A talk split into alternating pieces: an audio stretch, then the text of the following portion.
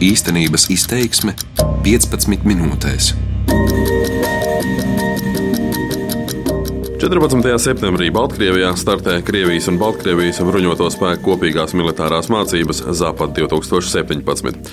Vēl ilgi pirms to sākuma Baltkrievijas kaimiņu valstīs, tostarp arī Latvijā, kā arī NATO aprindās, valdīja pamatīgs satraukums par šo mācību patiesajiem un slēptajiem mērķiem un patiesajiem un slēptajiem apmēriem. Mani sauc Uģis Lībijams, un šīs dienas raidījumā īstenības izteiksme pievērsīšos Zapad 2017 redzamajām un neredzamajām pusēm. Aptuveni 12,700 karavīru, 70 helikopteru un kaujas lidmašīnu, 250 tanki, 200 artērijas tehnikas vienības un 10 kara kuģi. Tieši tik liels skaits Baltkrievijas un Krievijas bruņoto spēku oficiāli piedalīsies strateģiskajās militārajās mācībās Zapad 2017, kas norisināsies Latvijas un Lietuvas pierobežā, izdomātā valstī Veišnorijā. Kāpēc tieši šāds skaits? Tam izskaidrojums visticamāk ir ļoti vienkāršs. Ja mācību dalībnieku skaits pārsniedz 13,000, uz tām ir jāaicina starptautiskie novērotāji, turklāt daudz lielākā apjomā. Dažādi drošības eksperti gan uzsver, ka 12,700 karavīri piedalās tikai šajās konkrētajās mācībās. Taču jau mēnešiem ilgi Krievijā, gatavojoties Zapad, tiek rīkotas dažādas paralēlas mācības, kuros iesaistīto personu skaits ir daudz lielāks - no 100 līdz pat 300 tūkstošiem karavīru. Bet kādus tad strateģiskās sadarbības aspektus plānots pārbaudīt un atstrādāt šo mācību laikā? Par Zapadu 2017 scenāriju vairāk stāsta Krievijas aizsardzības ministra vietnieks ģenerālleitnants Aleksandrs Fomins. Замыслом учения Mācību plānā paredzēts, ka Baltkrievijas teritorijā un Kaļiņģeradas apgabalā ir iekļuvušas ekstremistu grupas, kuras gatavojas rīkot teroristu uzbrukumus un destabilizēt situāciju Savienības valstīs. Ekstremistiem ir ārējais atbalsts, tiek saņemta materiāli, tehniskā palīdzība, ieroči un kaujas tehnika gan no gaisa, gan no jūras. Lai cīnītos ar nosacītiem teroristiem, tiks atstrādāta virkne taktisko darbību. Notiks reģionālo karaspēku vienību pārvietošana uz Bānu kontrolēto teritoriju teritoriju ar tā sekojošu šo grupējumu izolāciju. Gaisa spēku un pretgaisa aizsardzības vienības sniegs atbalstu sauszemes spēkiem situācijas stabilizēšanai. Baltijas flotes spēki nodrošinās operācijas reģiona blokādi no jūras puses, nogriežot grupējumiem atkāpšanās ceļus. Jau no pirmā acu uzmetiena var teikt, ka šādu apjomīgu militāro mācību organizēšana, it kā cīņai pret salīdzinoši nelielo iespējamo teroristu grupējumu, izklausās mazākais dīvaini. Vēl jo dīvaināk liekas nepieciešamība iesaistīt arī Baltijas flotes karu kuģus un pēc atsevišķām ziņām pat strateģiskos kodolieročus. Tieši tāpēc pamatots ir kaimiņu valstu bažas par to, ka patiesībā tiek izspēlēts nevis aizsardzības scenārijs, bet gan potenciālais uzbrukums kādai no kaimiņu valstīm, šajā gadījumā Baltijas valstīm. To intervijā Latvijas radio pieļāva arī Austrum Eiropas politisko pētījumu centra pētnieks Māris Cepurītis. Ja mēs uzliksim to uz Latvijas piemēru vai Baltijas valsts piemēru, kādas tad šeit ir, ir, ir gan Latvijas armijas spēki, gan arī kā potenciāli militāra konflikta gadījumā mēs varētu saņemt atbalstu no pārējiem NATO sabiedrotajiem, nu, tad tas ir gaiss Tas ir šī pati jūras atbalsts, protams, dzelzceļš, bet jau pieminētais suvalku koridors arī var tikt ierobežots. Tā kā te ir jāizdara tādi ilgtermiņa secinājumi par šo mācību tālākiem sekām. Kā norāda arī citi drošības jomas speciālisti, faktiski šogad mācības Zapad ir pasniegtas kā uz dēlnes, tīri no konvencionālo ieroču puses, un vismaz Baltkrievija ar informāciju dalās gana dāsni. Gan Krievija, gan Baltkrievija ir uzaicinājušas arī starptautiskos novērotājus no visām NATO dalību valstīm. Un, kā stāsta Latvijas aizsardzības ministrs Raimons Bergonis, šajā jomā Latvija pat ir izdevīgākā situācijā. Mums ir šie sadarbības divpusējais līgums ar Baltkrievijas pusi, kā rezultātā mēs esam vienīgā NATO valsts, kur ir iespēja doties papildus, vēl bez šiem oficiālajiem ielūgumiem, ko ir nosūtīts, kur ir ielūgti divi mūsu novērotāji, plus militārais atašais. Tā kā nu, jā, es ceru, ka mums būs daudz vairāk informācijas, kas arī tādā ziņā mēs neradīs varbūt tik eh, lielas bažas mums būs mazāk riska.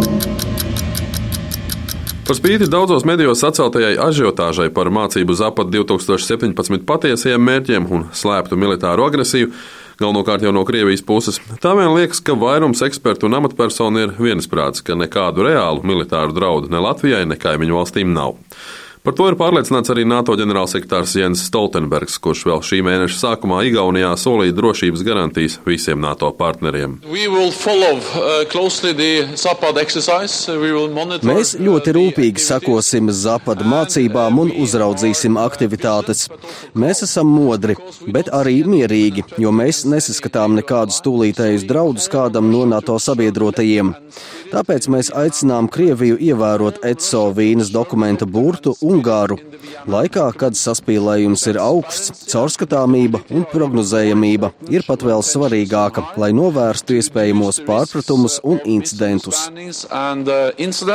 Kā jau minēju iepriekš, vismaz no Krievijas puses caurskatāmība par šīm mācībām joprojām klibo. Latvijas radio norādījis NATO aizsardzības politikas un spēju direktors Timo Kosters no Ziemeļatlantijas alianses puses, tiek darīts viss iespējamais, lai nākotnē būtu iespējams pilnvērtīgi atgriezties pie dialoga ar Maskavu. Pirmkārt, mēs vēlamies, lai Krievija atgriežas pie tiesiskās kārtības, kāda tā bija pēc augstā kara. Tas nozīmē ievērot līgumus, ko Krievija ir parakstījusi. Ukrainai atdot atpakaļ kontroli pār Krimu, ciena kaimiņu valstu teritoriālo vienotību, atturas no kaimiņu valstu iebiedēšanas, ievēro EDSO vienošanās kā Vīnes dokumentu, Budapeštas memorandu. Un tad mēs varam runāt.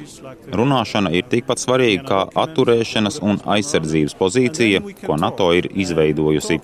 Mēs turpinām uzstāt, un mēs turpinām piedāvāt dialogu iespēju ar Krieviju jo uzskatām, ka tas ir tikpat svarīgi kā atturēšanas un aizsardzības politika, ko esam izveidojuši.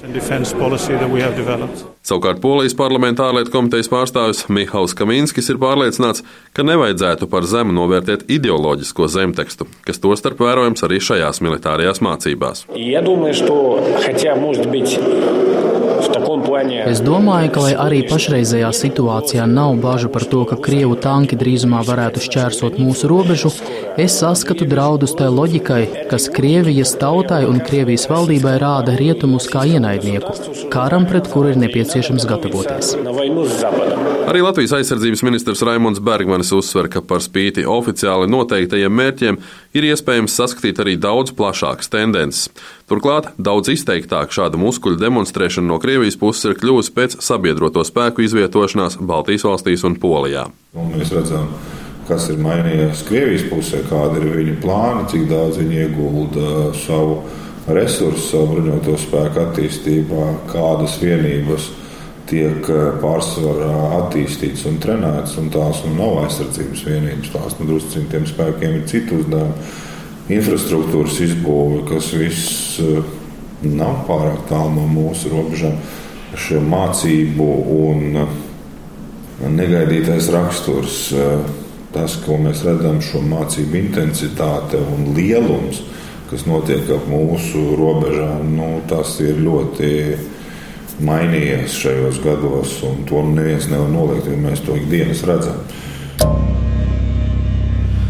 Gaidot Zapad 2017. mācību sākumu, daudz lielāks satraukums valdīja Baltkrievijas kaimiņu valstī Ukrainā, kuras austrumos joprojām notiek karš un ne bez Krievijas līdzdalības. Tieši no Ukrainas puses izskanēja minējumi, ka Krievija varētu izmantot sev lojālo Baltkrieviju kā placdarmu turpmāku uzbrukumu veikšanai Ukrainai arī no ziemeļu puses. Proti, pastāv nopietnas bažas par to, ka pēc militāro mācību beigām no Baltkrievijas varētu neaizvest visu Krievu militāro tehniku un karavīrus, kas līdzīgi kā savulaik laipnie zaļie cilvēciņi Krimā varētu kalpot par pamatu jaunu Ukrainas teritoriju sagrābšanai. Baltkrievu politikas eksperts, bijušais žurnālists un arī politiskais aktīvists Aleksandrs Feduta gan uzskata, ka baumas par Krievu spēku iespējamo palikšanu Baltkrievijā tiek izplatīts tieši no Minskas puses. Varai lojāli analītiķi izplata baumas, ka Krievu spēki no šejienes neaizies. Tas ir tāds savdabīgs ideoloģiskais spiediens uz rietumiem. Ātri uzlabojiet attiecības ar oficiālo Minsku, pretējā gadījumā ar Baltkrieviju notiks tas pats, kas ar Ukrainu. Zinot rietumu pasaules visai jūtīgo reaģēšanu uz notikumiem Ukrajinā, Krievijas militārais analītiķis Pāvils Felgenhauers gan ir pārliecināts, ka pašai Baltkrievijai tiešām nevajadzētu satraukties, taču par Ukrajinu viņš nav tik pārliecināts. которые я не уверен, что он его даст. Ir nepieciešams Lukašenko politisks lēmums, taču es neesmu pārliecināts par to, ka viņš tādu dos, bet iesaistīties jaunā militārā konfrontācijā, īpaši ar Aleksandru Lukašenko, Maskava nevar atļauties. Taču radīt Ukrainā bažas, ka tas tā varētu notikt, var novest pie Ukraiņu spēku aktivizēšanās, vainot pozīcijas tajos rajonos, kur ir iespējams izdarīt reālu galveno triecienu. Protams, ja tāds vispār būs. Pagaidām gan nav saprotams, vai reāli reāls karš varētu izcelties. Taču katram tumšajam mākonītim ir arī kāda gaiša maliņa, un katrā nopietnībā ir arī kaut kas nenopietns. Kamēr politiķi un militāri eksperti spriež par Zapad radītajiem izaicinājumiem un draudiem, Baltkrievijas sabiedrība ir pārņēmis jauns tā dēvētais stulbings, proti, manevros minētā izdomātā valsts veišnorija ir sākusi iegūt pavisam reālu ietvaru. Jo neviens viens sociālo tīklu lietotājs ir norādījis, nav taču patīkami, ka daļu reālas valsts, kurā dzīvo reāli cilvēki, kāda cita valsts nodēvē par potenciāliem ienaidniekiem no neeksistējošās veišnorijas.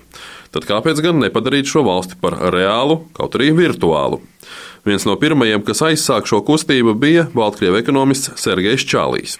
Я вот решил попробовать это все обернуть в такую шутку, знаете, как Es izlēmu to visu pārvērst par joku, kā saka laime nelaimē. Ja pilnā nopietnībā mums piedāvā izdomātu valsti, tad kāpēc gan nepiepildīt šo reģionu ar kaut kādu jēgu? Es gana daudz laika veltīju tam, lai pētītu dažādas kartes un secināju, ka Veišnarijas reģions faktiski atbilst 1994. gada prezidenta vēlēšanu tā brīža Baltkrievijas Nacionālās frontes līdera Zenona Pozņeka vēlēšanu apgabalam. Ja manevru scenārijā tiek apgalvots, ka reģionā vērojama reliģiskā un nacionālā nacionālā šķelšanās, tad es gribēju pievienot arī politisko aspektu. Tā ir tāda kā alternatīvā vēsture. Kā varētu būt, ja toreiz 94. gadā vēlēšana iznākums būtu bijis cits? Šī spēle ļāva mentāli projektēt tādu Baltkrieviju, kurā ir visas ideālās īpašības un nav negatīvu aspektu. Viens no pirmajiem ierakstiem bija Veišnorija nepadodies, un tālāk jau tas sāka dzīvot savu dzīvi. Varētu teikt, ka tas bija tāds kontrapropagandas mēģinājums, ja Krievijā mūsu teritorijā iezīmē ienaidnieku, cenšoties piešķirt tam negatīvas īpašības. Mūsu ideja bija piešķirt šim mūsu teritorijā esošajam un no mūsu cilvēkiem sastāvošo ienaidnieku ar visām ideālajām īpašībām, kas ir tajā Baltkrievijā, kas pastāv tagad un varētu pastāvēt kādreiz. Salīdzinoši īsā laikā Veišnorija jau ir ieguvusi savu ģerboni, tā ir savs karoks, kurš simboliski ir iecerēts kā pretstats Georga Lentītei, bet internetā ir iespējams pieteikties arī Veišnorijas pasei. Savukārt Veišnorijas valūta ir piecreiz vērtīgāka par ASV dolāru. Un jāatzīst, ka politisks zemteksts šādām aktivitātēm tiešām ir jūtams. Daži komentētāji jau norāda, ka Baltkrievu veišnorija faktiski ir līdzīga separātiskajām Doņetskas un Luganskas tautas republikām Ukrainā, tikai pilnīgi pretēja. Neviens no Baltkrievijas izstāties nevēlas, bet tieši otrādi uzsver visu baltkrievisko un demokrātisko. Citi eksperti jau pieļauj, ka arī šī nevainīgā akcija var pamudināt aktivizēties visai pasīvo Baltkrievu opozīciju. Savukārt pats Zenons Pozņaks, kurš negaidīti atkal ir nokļuvis uzmanības centrā, saka, lai arī kādi agresīvi plāni ir slēpti aiz mācībām Zapad 2017, Maskavai tie beigsies ar vilšanos, jo Baltkrievi ir sākuši smieties, un tas, kurš smejas, nebaidās. Vienlaicīgi gan viņš ir aicinājis potenciālos draudus nepārvērst par balagānu.